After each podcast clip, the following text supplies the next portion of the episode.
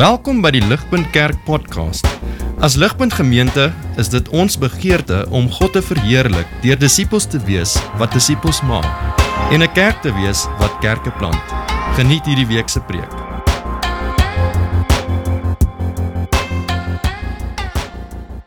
Ons is besig met hierdie reeks vra wat weghou. Ehm um, en en die hele reeks is maar gebaseer op vrae wat krap in ons, maar daar agter in ons harte. Dis vrae wat ons het. Ehm um, en ons kry nie 'n geleentheid om altyd hierdie vrae te bespreek nie, maar dit krap aan ons. Ons wonder. Uh vrae wat ehm um, ons maklik langtermyn en korttermyn kan weghou van 'n ryker, dieper verhouding met Jesus. En maar nie net dit nie, dis dis ook goeie goeie vrae wat die die skeptiek kan hê. Dis goeie vrae wat mense het oor Christendom. Ehm um, dis goeie vrae wat ehm um, mense bring na God se woord toe en gelowige of ongelowige, ons moet ehm um, ons moet weet, ons moet ten minste weet wat God sê oor hierdie vrae. Ehm um, en en so laasweek het ons bietjie gepraat per inleiding van die reeks het ons gepraat oor doubt. 'n Twyfel. En ons het gesê doubt is 'n goeie ding. Ehm um, ons praat van twyfel asof dit 'n sonde is, maar dit dit is nie.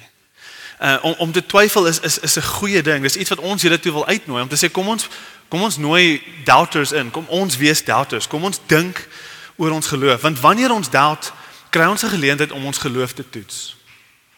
Wanneer ons doubt, kry ons 'n geleentheid om die harde vrae te vra oor wat ons glo. Of dit nou 'n Christen oortuiging is of nie, wat ook al jou oortuiging is. Ehm um, as jy as jy dalk 'n skeptiek is of jy het 'n ander siening of 'n 'n ander geloofsvertuiging, 'n geloofsvertuiging dan dan nooi doubt jou uit om dit te toets. Maar as jy Christen is ook, 'n doubt sê vir jou gaan vra die moeilike vrae en sien wat God se woord sê, sien wat die antwoorde is op hierdie goed. En dit nooi jou uit om om jy se om om om, om jy jouself te vestig. Ehm um, so om om te twyfel, om moeilike vrae te vra, um, is 'n goeie ding. En en die storie wat ons laasweek na verwys het, is die storie van Thomas. Jesus gaan dood en hy staan op en hy hy hy verskyn aan die disippels in die kamer en en daar kom Thomas en hy sê not a chance. Ek glo dit nie. Dit kan nie wees nie. Hy hulle noem hom doubting Thomas. En Jesus stoot hom nie weg nie. Inteendeel, Jesus sê soos kom. Voel my wonde sien die die gate in my hande. Jesus gee vir hom 'n bewys vir uh, wat hy mee sukkel. En en so ook kom ons by 'n reeks wat ons wil sê kom met julle doubts en en gee ons die geleentheid om vir julle uh, ons Christelike antwoorde te gee op julle doubts. En vir die gelowige, kom ons vestig jou geloof. Kom ons beweeg weg van 'n geloof wat net kultureel is. 'n Geloof wat glo want jou ouers het geglo, maar jy's nie regtig 'n Christen nie. Kom ons beweeg weg van 'n oppervlakkige geloof af. En kom ons weet wat ons glo en hoekom ons dit glo. En so kom uh voor ek enigiets anders sê, kom ons ehm um, kom ons bid en vra dat die woord uh dat dat die Here ons harte sal warm maak vir vir vanaand se preek. Kom bid gewees saam met my. Almagtige God en Vader, ons uh, vra dat die Gees sal werk. Ons vra dat U die Gees deur my sal werk. Ons kan ek, ek kan niks doen in my eie mag en krag nie. Ehm um, en so kom werk, kom werk vanaand en kom wys ons wat U vir ons wil wys. Ek wil bid dat U spesifiek almal sal ontmoet waar hulle spesifiek mag wees vanaand. Ek bid dit als in Jesus naam alleen. Amen. So vanaand wil ek begin met 'n baie belangrike ehm um, waarneming.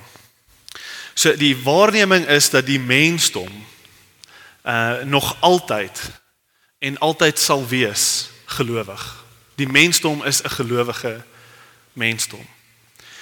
Ons kan maklik glo dat ateïsme uh, 'n groot, jy weet, opmerklike beweging is, maar maar dit dit is regtig nie en dis nie ek wat dit sê nie, dis dis 'n realiteit. Ehm um, daar is nie 'n tyd of 'n plek of 'n kultuur in alle eeue van die mensdom waar daar nie een of ander geloof was nie. Die mens was nog altyd en gaan altyd gelowig wees. So so interessant, ateïsme ateïsme is 7% van die wêreld se bevolking. OK. 7% van die wêreldbevolking en dit neem af. En uh, dit is 7% van 7 biljoen mense is is ateïsme. So 93% van die wêreld se bevolking is gelowig op een of ander vorm. Uh selfs al sê hulle net hulle is agnosties, daar kan dalk iets wees, maar ek weet nie. Is hulle nog steeds oortuig daar's iets? 7 miljard mense. 93%. As ek 'n 'n 'n dobbelende man was, uh en en ek moes kies tussen 'n 93% kans of daar iets is en 'n 7% kans dat daar niks is, dan sit ek my geld op die 93%. En natuurlik, as ons kyk na die wêreld se bevolking, is daar geen tekort aan gelowe nie. Okay, die mens is so gelowig dat daar 'n verskriklike waarskynlikheid gelowe is. En almal probeer hierdie een vraag beantwoord. Wie is hierdie God? Wese iets daar buite, wie is hy? En hoe moet ons met hom omgaan? Hoe moet hoe lyk ons verhouding met hierdie hierdie wese? Elke geloof probeer daai vraag beantwoord. En so die basis van elke geloof moet 'n definisie hê van the divine. So jy moet die divine definieer en jy moet 'n stelsel of 'n reëls of 'n ritueel of 'n 'n stappe ding hê. Jy moet iets hê om te sê hoe lyk dit vir ons om te relate met hierdie wese. En die crazy ding is elke geloof vervul daai kriteria. Elke geloof. Elke geloof define the, the divine en hulle het een of ander manier van hoe hulle dink ons moet omgaan. En en die punt is die mensdom is so oortuig van die goddelike. Ons is so oortuig van die goddelike dat ons uit ons pad uit gaan om met hom te probeer communicate. Dis die realiteit van die wêreld waarin ons lewe. Dis die mensdom, dis die waarneming wat ek wil hê julle moet sien vanaand.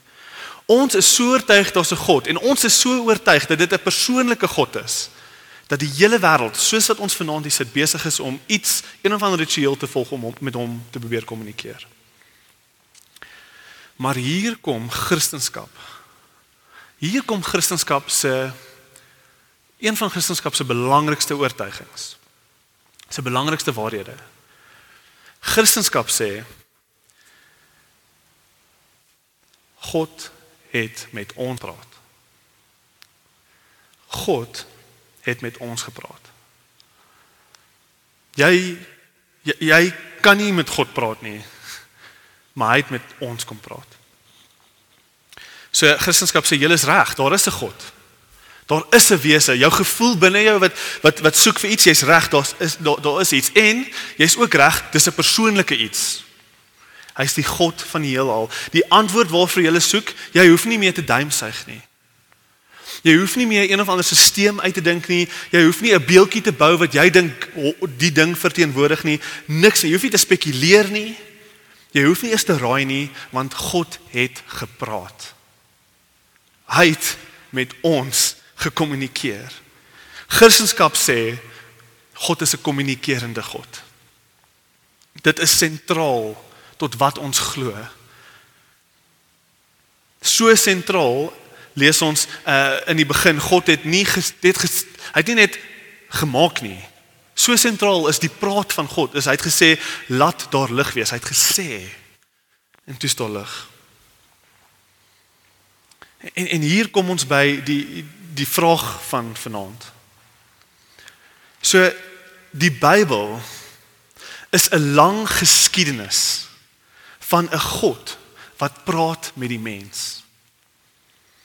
En ek wil vir ons wys vanaand hoekom die woord van God, die Bybel, 'n betroubare 'n betroubare 'n 'n betroubare kommunikasie is van wie God is, soos wat hy oor al die eeue gepraat het met die mens.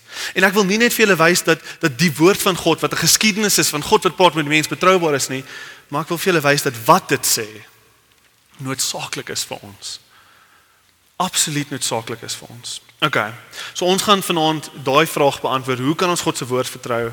Deur net na twee goeters te kyk en ons gaan bietjie Hebreërs 1 Hebreërs Hebreërs 1 gebruik om ehm um, ons te help in terme van struktuur. En so ons gaan eers kyk na um in the past God spoke.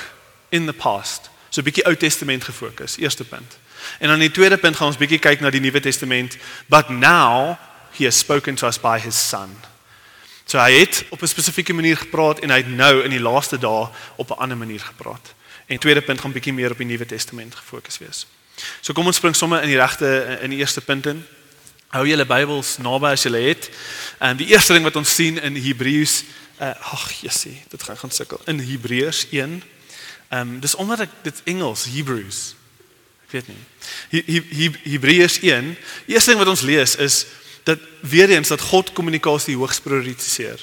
So in vers 1, in the past God spoke. Hy het gepraat. He spoke to our ancestors through the prophets at many times and in many various ways. Vers 1. So God het gepraat en hierdie verwys na sy praat in die verlede, hoe hy gepraat het in die Ou Testament. En dit wys hoe hy homself bekend gemaak het. God is 'n kommunikerende God. He spoke through the prophets at many times in various ways. Die, Bybel bestaan uit verskillende mense wat interaksies gehad het met God, stories, interaksies waar God ingetree het. Uh, uh baie uh, interaksies tussen God en die mens als neergeskryf sodat ons kan sien wie God is. So die Bybel bestaan uit 66 verskillende boeke. 39 van daai boeke is Ou Testament, 27 van daai boeke is die Nuwe Testament. En en hierdie boeke is saamgestel oor 'n tydperk van 1500 jaar. In drie tale geskryf deur 40 verskillende skrywers en hulle het gebly en hulle het hulle self op enige gegee tyd op drie verskillende kontinente. Dis die Bybel. Die idee van God wat praat in various ways op baie verskillende maniere is baie soos 'n verhouding wat ons met um, iemand het. So toe ek Sinead my vrou ontmoet het, toe het ek haar nie regtig so goed geken nie. OK. Ek het haar ontmoet, ek het ek het geweet sy's mooi, wink wink. Ehm um, maar ek het nie geweet wie sy is nie. Ek het nie geweet hoe sy van my dink nie. Ek het nie veel van haar geweet nie. Ek het bietjie geweet van ouers, maar ek het nie die storie verstaan of hulle geken nie. Maar met die tyd Toe ek hoor hoe sy vir my verskillende stories van haarself vertel. Toe ek haar sien in verskillende interaksies met mense, in verskillende omgewings, by verskillende kuiers, op verskillende vakansies, met verskillende vriendinne selfs, hoe ek haar gesien het omgaan wêreld om haar. So het my prentjie van haar verdiep en my verstaan vir haar, my kennis van haar verdiep. Al hierdie verskillende goed het my verhouding met Sinead verdiep. Die die mens is so kompleks dat dit jare kan vat vir jou om iemand regtig te leer ken. Regtig die dieper dele van hulle te kan verstaan. Hoeveel te meer nie met God nie. En God gee vir ons 'n Ou Testament met die crazieste stories. Met die die malste interaksies. Met met die mens wat wat gevalle is, maar hy tree in en hy doen hy doen goed vir lande, vir nasies, vir individue. Dit is 'n boek vol stories van van die crazieste goed wat God doen. Hoekom? Hy openbaar homself. Hy wil hê ons moet hom sien in allerlei situasies. En hy het seker gemaak alles word neergeskryf sodat ons oor en oor kan kan lees sodat dit nie verlore gaan nie. Sodat ons oor en oor kan leer en hom kan sien in elke sodat ons die diepte van sy hart kan leer ken. Dit is hy het gepraat. Dis wat dit beteken. He he spoke to us in many various ways. Die die Bybel, veral die Ou Testament, is die neergeskrewe uh, ontmoetings van God met mens. En elke ontmoeting gee ons 'n nuwe les oor wie God is. Uh, in Jesaja 30 vers 8 lees ons juis ehm um, hoe God vir Jesaja beveel, gaan en skryf neer wat ek vir jou sê. Hy sê, "Go now, write it, write it on a tablet for them." Inscribe it on a scroll, for days will come so that it will be an everlasting witness. So skryf dit neer sodat mense in al die eeue kan lees oor hoe ek uh, uh oor my interaksies met jou. Skryf my woorde neer. Nou daar's baie meer wat ek wat ek hier wil sê, maar hierdie is die wonderwerk wat ek vir julle wil uitwys van die Ou Testament en en hoekom die Ou Testament betroubaar is. Die wonderwerk is dat hierdie boek en veral die Ou Testament saamgestel is nê nee, deur soveel verskillende mense En oor so lank tydperk maar tog, hier is die wonderwerk. Praat hulle oor een en dieselfde God. Jy dink ja, maar dit is obvious. Nee. Nee, die verskillende skrywers praat almal oor die specifics van hierdie God. Hulle praat oor die sondes van die mens, oor ons nood vir redding. Hulle praat oor die karakter van hierdie God en ingewikkelde karaktereienskappe van God. Hulle praat oor die die hulle hulle praat oor 'n storie wat hierdie God aan hulle openbaar. Dink aan dink aan die rykheid van van die psalms en die spreuke en die profete. Hulle almal is geskryf oor dieselfde God en hulle vir almal vertel een storie. En en dit raak eintlik meer verstommend as jy na die details kyk wat wat ons nie kan doen nie. Maar die die interessante ding is nêrens lees jy oor iets teenstrydig nie. As daar 40 verskillende skrywers was geskryf in drie verskillende tale oor hoeveel lande en nasies oor 1500 jaar Hoe kan die een ou nie iets anders skryf as die ander ou oor so lank tydperk nie? Hoe kan die een ou iets hoor van God en die ander ou dieselfde ding 1000 jaar na die tyd en dit is dit is asof dit 'n storie vorm. Dis 'n een eenheid. Daar is daar is in die Nuwe Testament, daar's in die Ou Testament oor die 300 verskillende profesieë oor Jesus. 300. Uh, lees lees hierdie een skrywer sê hierso. Um there are over uh, 300 Old Testament prophecies that predict the life and work of Jesus. And every one of them was fulfilled in his life. With all of these differences in how and when the Bible was written, né? So met al hierdie verskille, 26 boeke, 39 Ou Testament, 27 geskryf vir 'n tydperk van 1500 jaar. Drie tale, 40 verskillende skrywers wat gebly het in verskillende kontinente. There is no way that most of these prophecies could have been just predicted by the authors nor could they have been conspired with each other. Hulle kon nie saam praat oor wat hulle skryf nie want hulle was verskillende plekke en tye. Hulle die een het nie gelewe nie en dan hoor die ander een iets. Dis die dis die wonderwerk wat mense nie kan omkom wanneer hulle met die nuwe met die Ou Testament te doen het nie. Dis dis ongelooflik as jy daaroor dink. Dis rarig asof dieselfde God gepraat het met 40 verskillende mense en hulle dit net gaan neerskryf. Dis die ervaring wat ons kry. Dis rarig asof dieselfde God gepraat het met 40 verskillende mense om vir ons te leer wie hy is. Dis die Ou Testament. En en hierdie woord word word dit word meer verstommend. As ons dit bietjie gaan vergelyk met ander sacred texts. So daar's daar's ander heilige boeke in die wêreld.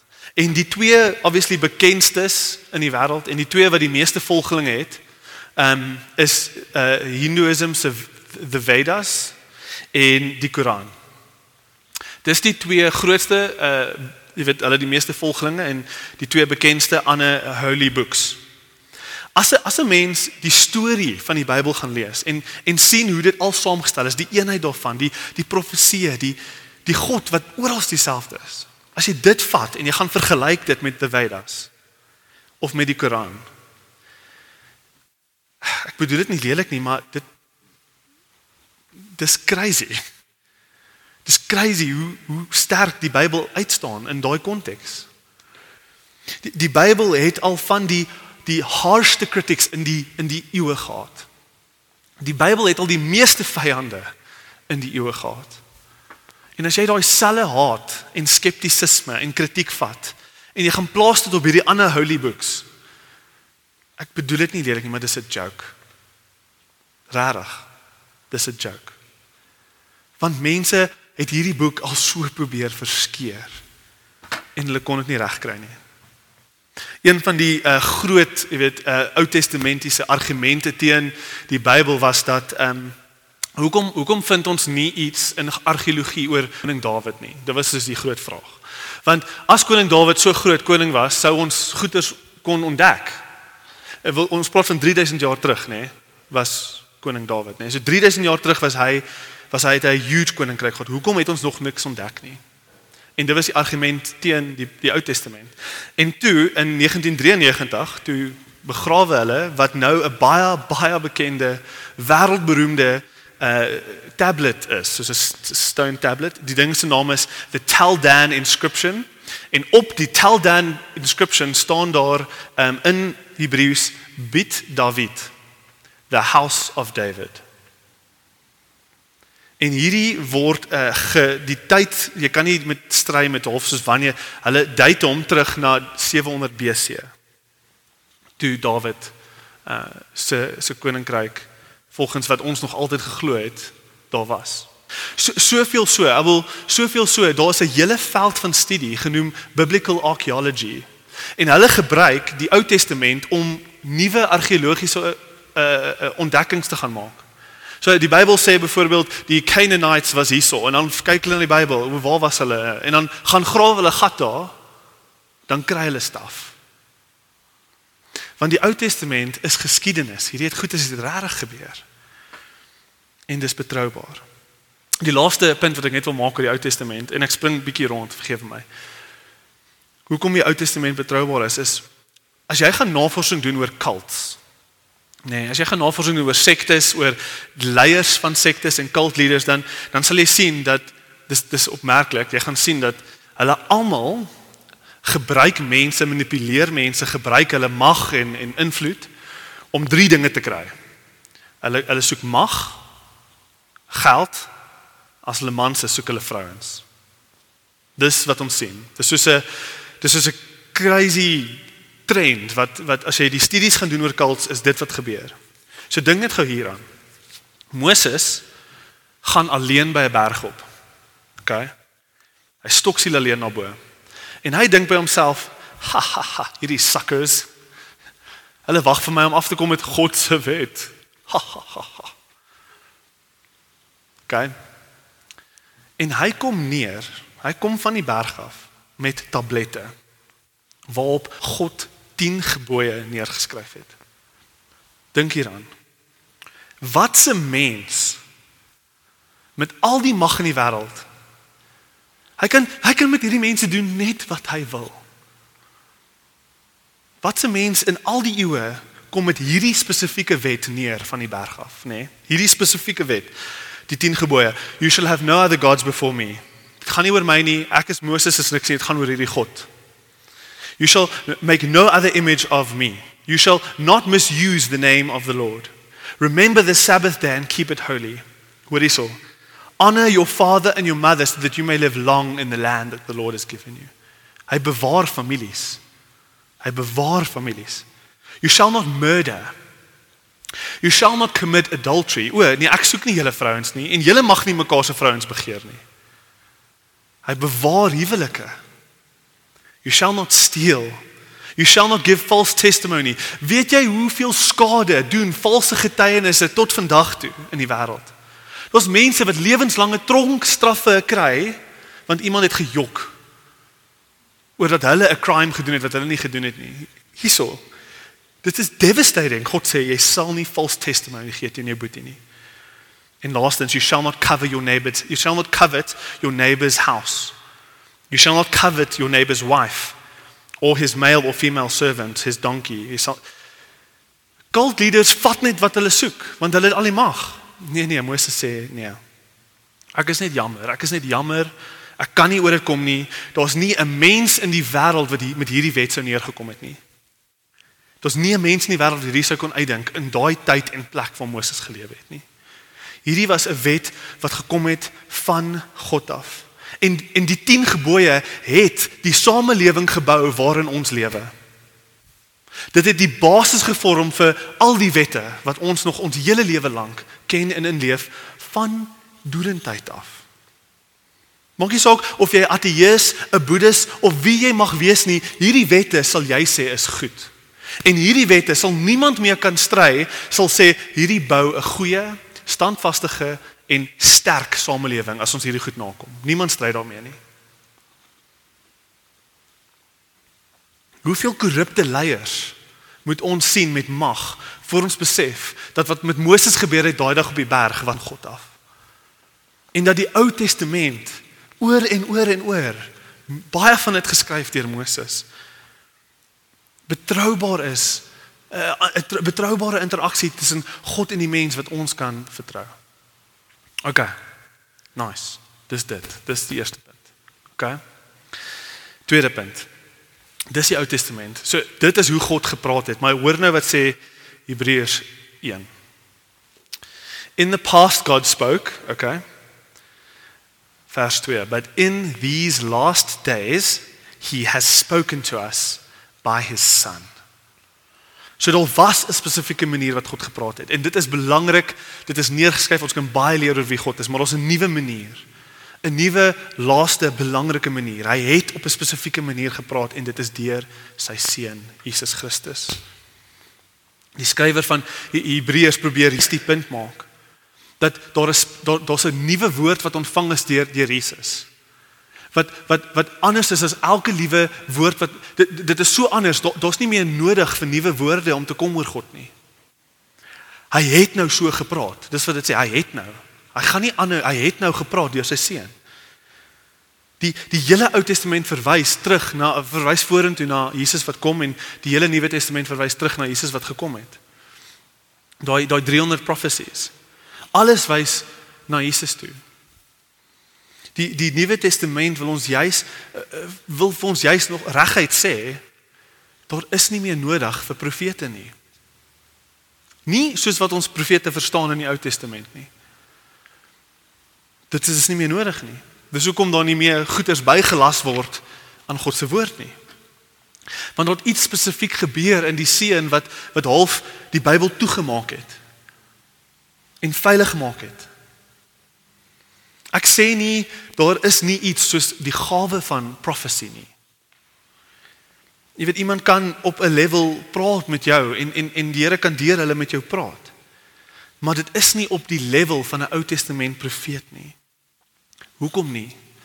Want he has now spoken through his son. Hy het so gepraat. Hy praat nie meer so nie. Hy praat nou deur sy seun. Jy weet baie mense kan jy kan jy kan jy kan baie mense wil wil weet oor my pa.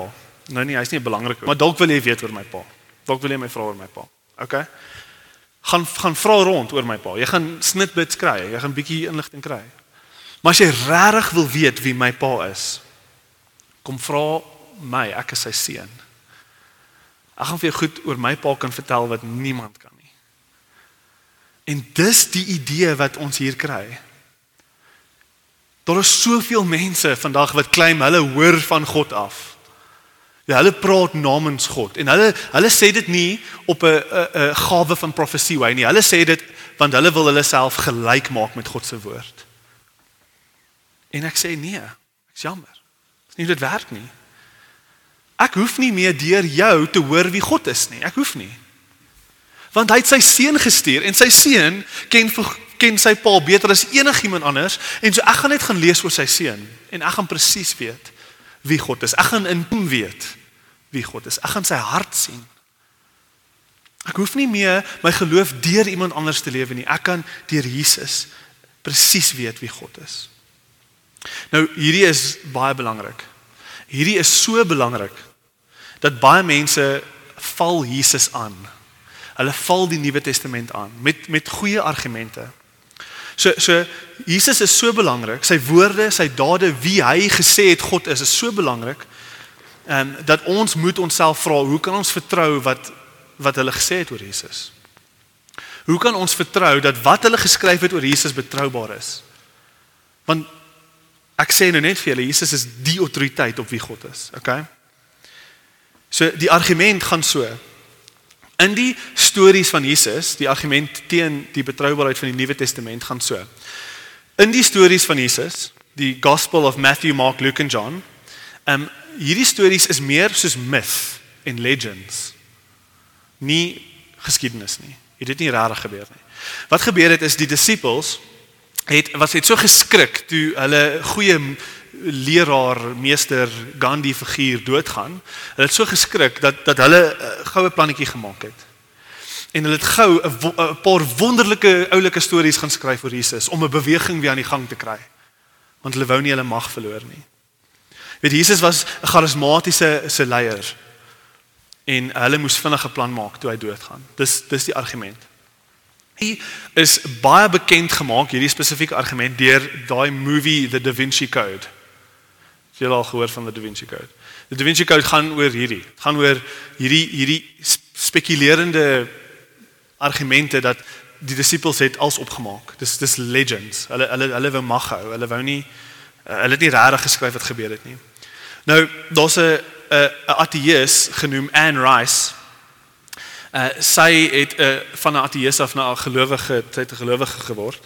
En sy verwys na die spekulasie agter die Da Vinci Code. En hoor wat sê sy? Lees hom my. Anne Rice sê, um, some books were no more than assumptions piled on assumptions. There were conclusions reached um, on the basis of little or no data.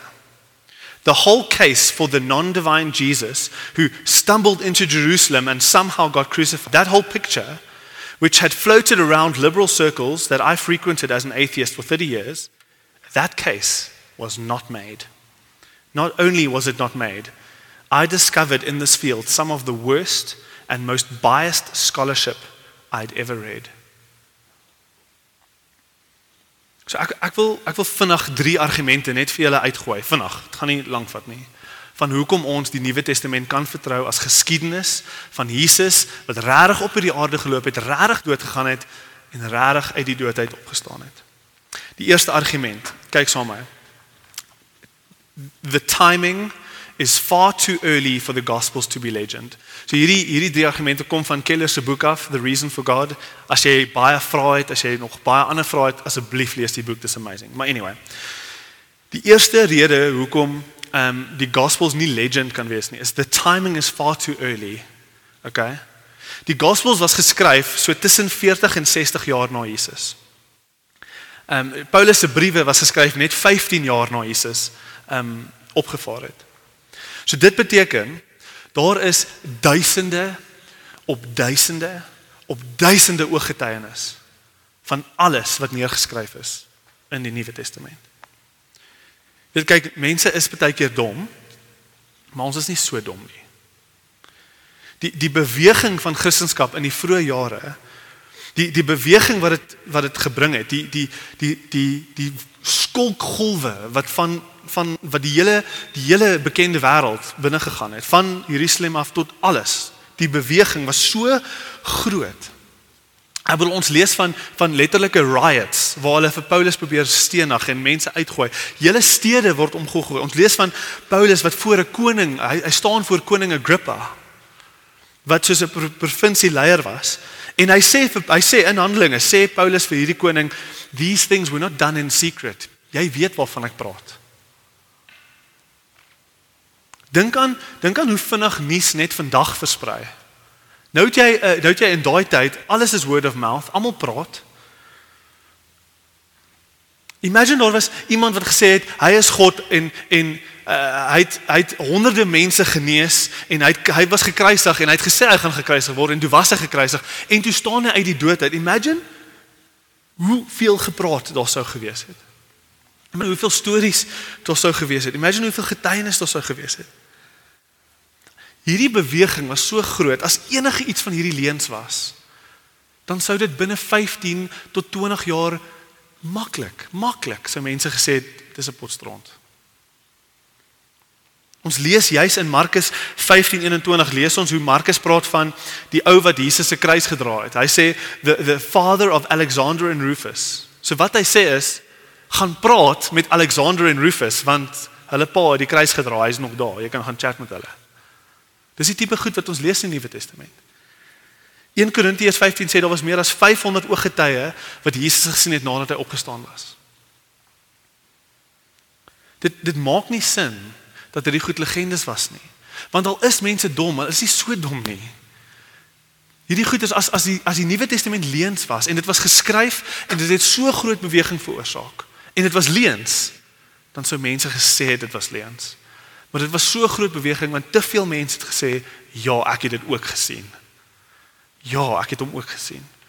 Dis die eerste ding, die timing is dis net te naby. Dis net te naby. Die, die content, die content noem uh, sê hulle is counterproductive, okay?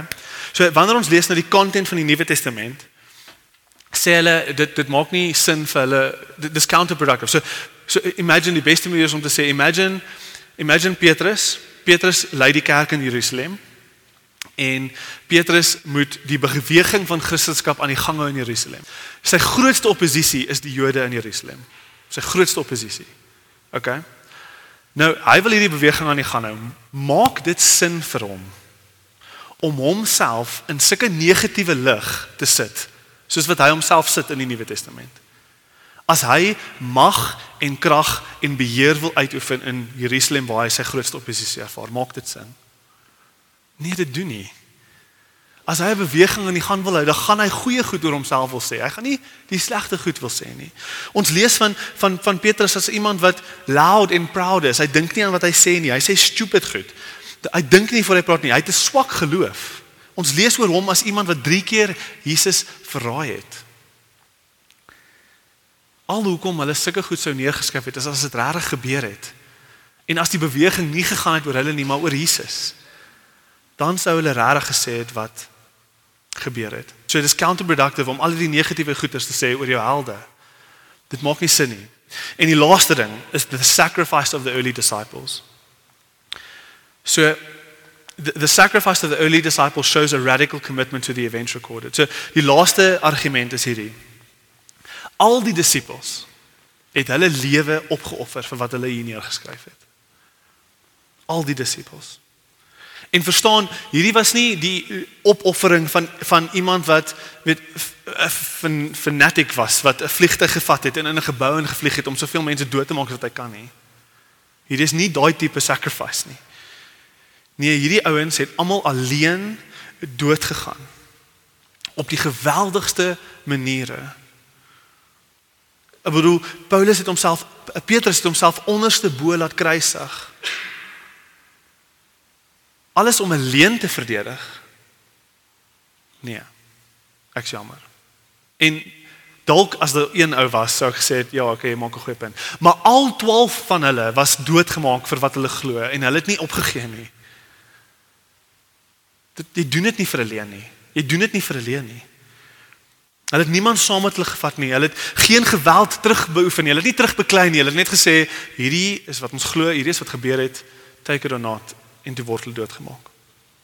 Dit maak net sin as die radikale goed wat hulle gesien het van Jesus waar was. Al hierdie is goeie redes hoekom ons die Nuwe Testament kan vertaal. Ek wil begin afsluit en sê dat daar iets nog meer belangrik is as al hierdie goed. Laaste ding wat ek wil noem is weet julle dat tot vandag toe die Bybel die mees gepubliseerde boek is in die hele wêreld nog altyd. So kyk gou saam met my. Die Bybel 5 billion copies sold. Original release first century AD. Okay. Die volgende tweede mees gepubliseerde boek is 1 biljoen. Dis dis insane. Dit is insane verskil tussen eerste en tweede plek. Dis 'n belaglike verskil tussen die eerste en tweede plek. En die derde een is die Koran, 800 miljoen kopies. Die tweede een is the quotations of Chairman Mao Zedong uit die kommunistiese regime gehad. So hy het maklik sy kopies verkoop want hy het hulle seer. En die Koran 800 miljoen kopies. Hoekom staan die Bybel uit tot vandag toe as 'n boek wat die mens nie kan uitlos nie? Maak asook hoeveel argumente gemaak word nie, maak asook wat hulle sê nie. Die Bybel is net iets wat ons as die, as mense, ons kan dit net nie uitlos nie. 5 biljoen. Ons is 7 biljoen mense op die aarde op die oomblik. Daar's genoeg Bybels vir amper amper vir almal. Hierdie is hoekom, want buiten al die argumente is daar is daar nog altyd iets in die Bybel wat ons nie kan verduidelik nie, maar as jy hom lees, dan sal jy verstaan. Daar's iets in die Bybel wat net dit praat net met jou. Dit dit, dit verstaan jou net. Het jy al gehoor mense sê die woord is lewendig? Dis omdat dis omdat die Bybel op so vlak praat met ons soos geen ander boek nie. Geen ander boek nie. En ek bedoel, maak nie saak wie jy is nie, maak nie saak waar jy jouself in die wêreld bevind nie. Maak nie eers saak wat jou geloof of jou kultuur is nie. Jy kan 'n Chinees wees of 'n Indiër wees of in Suid-Amerika sit of in Antarktika sit of in Suid-Afrika sit. Hierdie Bybel praat met jou. Sê my van enige ander boek wat dit kan doen. 'n boek wat so diep met ons harte praat, enige iemand reg oor die wêreld kan sê, "Jo, daar's iets hierso. Daar's iets hierso." Die woord van God verstaan die mens amper asof dit deur ons Skepper gegee is vir ons. Dis asof ons Skepper hierdie woord vir ons gegee het en dis hoekom dit praat met ons design. Dit praat met iets met ons is ontwerp op 'n spesifieke manier en die een wat ons ontwerp het wat ons saam gewewe het, hy probeer vir ons iets sê. Dis dis ons ervaring van God se woord. Dis hoekom ons dit nie kan uitlos nie. Die woord sny letterlik deur alle barriers, alle leuns. Dis dis juis, weet jy wat maak die woord van God so sterk? Hy sê vir jou wanneer jy verkeerd is. Hy sê vir jou jou leuns, ek gaan dit nie verdra nie en hier is die waarheid. Ons lewe in 'n media wat so wat wat almal net wil please. Hulle wil nie vir ons sê wat die waarheid is nie. Hulle wil net soveel views as moontlik kry. Die Bybel gaan vir jou sê as jy verkeerd is. En ons hou nie daarvan nie. Maar dit is deel van die krag van die woord. Uh lees gou saam my twee verse en en dan ek vir ons afsluit. Deuteronomy 8 verse 3 For the word of uh 8 verse 3 man does not live by bread alone but on every word that comes from the mouth of the Lord. Hebrews 4, verse 12. For the word of the Lord is alive and active, sharper than any double edged sword. It penetrates even um, uh, dividing soul and spirit, joints and marrow. It judges the thoughts and attitudes of the heart. Ek wil net challenge voor jy enigiets anders wil argumenteer oor God se woord, gaan lees hom. Gaan lees as jy nie weet waar om te begin nie, gaan lees die hele boek van Johannes. Gaan lees hom in one sitting, net so once, polish hom net. En jy gaan iets beleef wat jy in geen ander boek in die hele wêreld gaan beleef nie, want God het gepraat. Ek wil nog steeds, ek wil net afsluit met hierdie vraag. As die woord betroubaar is, as hierdie regte God is wat met ons praat, as ons die woord letterlik kan opvat, as ons die woord kan vertrou, is dit nie dan krities dat ons ons lewe gee om te verstaan wat hierdie boek sê nie? Is dit nie? Hoekom dink jy die kerk sentraal tot die kerk is 'n preek? Want ons hele lewens moet gaan oor wat God vir ons wil sê. Ons lees in die laaste stukkie van Hebreërs uh, vers 3 The sun is the radiance of God's glory the exact representation of his being sustaining all things by powerful word. After he had provided purification for sins he sat down at the right hand of the majesty on high. En dan weer Johannes 1 in the beginning the word um, was the word and the word was with God and the word was God and he was with God in the beginning die woord was in die begin vers 14 the word became flesh Jesus het vlees aangesit and he made his dwelling amongst us We have seen his glory sê Johannes. Ons het die glorie van Jesus gesien. Kom lees oor die glorie. Glory of the one and only son who came from the Father full of grace and truth. Die punt wat ek mee wil afsluit is hierdie. As God regtig met ons gepraat het en as Jesus die perfekte openbaring is van wie God is. As Jesus die perfekte en finale woord van God is, wat wil hy hê jy moet hoor vanaand. Hy wil hê hierdie hoor. Hy wil hê hy moet hy moet hierdie hoor. Hierdie is die realiteit. Jy was so sondig en so rebellieus teen jou Skepper dat God die dood van sy seun moes genootsaak het aan die kruis om vir jou 'n kans te gee tot redding. God wil hê jy moet vanaand in, in sy seun sien dat daar 'n radikale teken is van sy liefde wat jou terugroep tot 'n verhouding met hom. Daar is 'n liefde wat vir jou wag en vir jou 'n tweede kans wil gee. Daar is 'n liefde wat gesê het ek gaan my lewe opoffer vir jou sondes sodat jy weer 'n verhouding met God kan hê. Jesus roep ons tot bekering. Hy sê kom en vra vergifnis vir die lewe wat jy gelewe het. Maar hy vra nie net dat jy bekeer nie, hy het vir jou 'n manier gemaak om vergifnis te ontvang. Hy het gesê ek kan jou vergewe want my bloed was jou sondes weg. Dit is God se woord aan die mens. My vraag is, gaan ons luister? Of gaan ons aangaan met die chaos en die gebrokenheid van ons lewens? Amen. Kom ons bid saam. Almagtige God en Vader, my enigste gebed vanaand is dat U met ons sal praat in die week wat voor ons lê en die maand wat voor ons lê. Selfs vanaand as ons in ons bed sit, praat hierdie woord van God aan ons. Praat hierdie woord van U radikale vergifnis en U wat ons roep uit ons ou lewe uit na 'n nuwe lewe toe. Praat dit vanaand met ons. Hou aan krap aan ons, hou aan pla aan ons tot ons bekeer. Mag ons hoor wat U vir ons wil sê. Ek bid dit in Jesus naam alleen. Amen. Vir meer inligting oor Ligpunt Kerk, besoek gerus ons webwerf op www.ligpunt.com of kontak ons gerus by info@ligpunt.com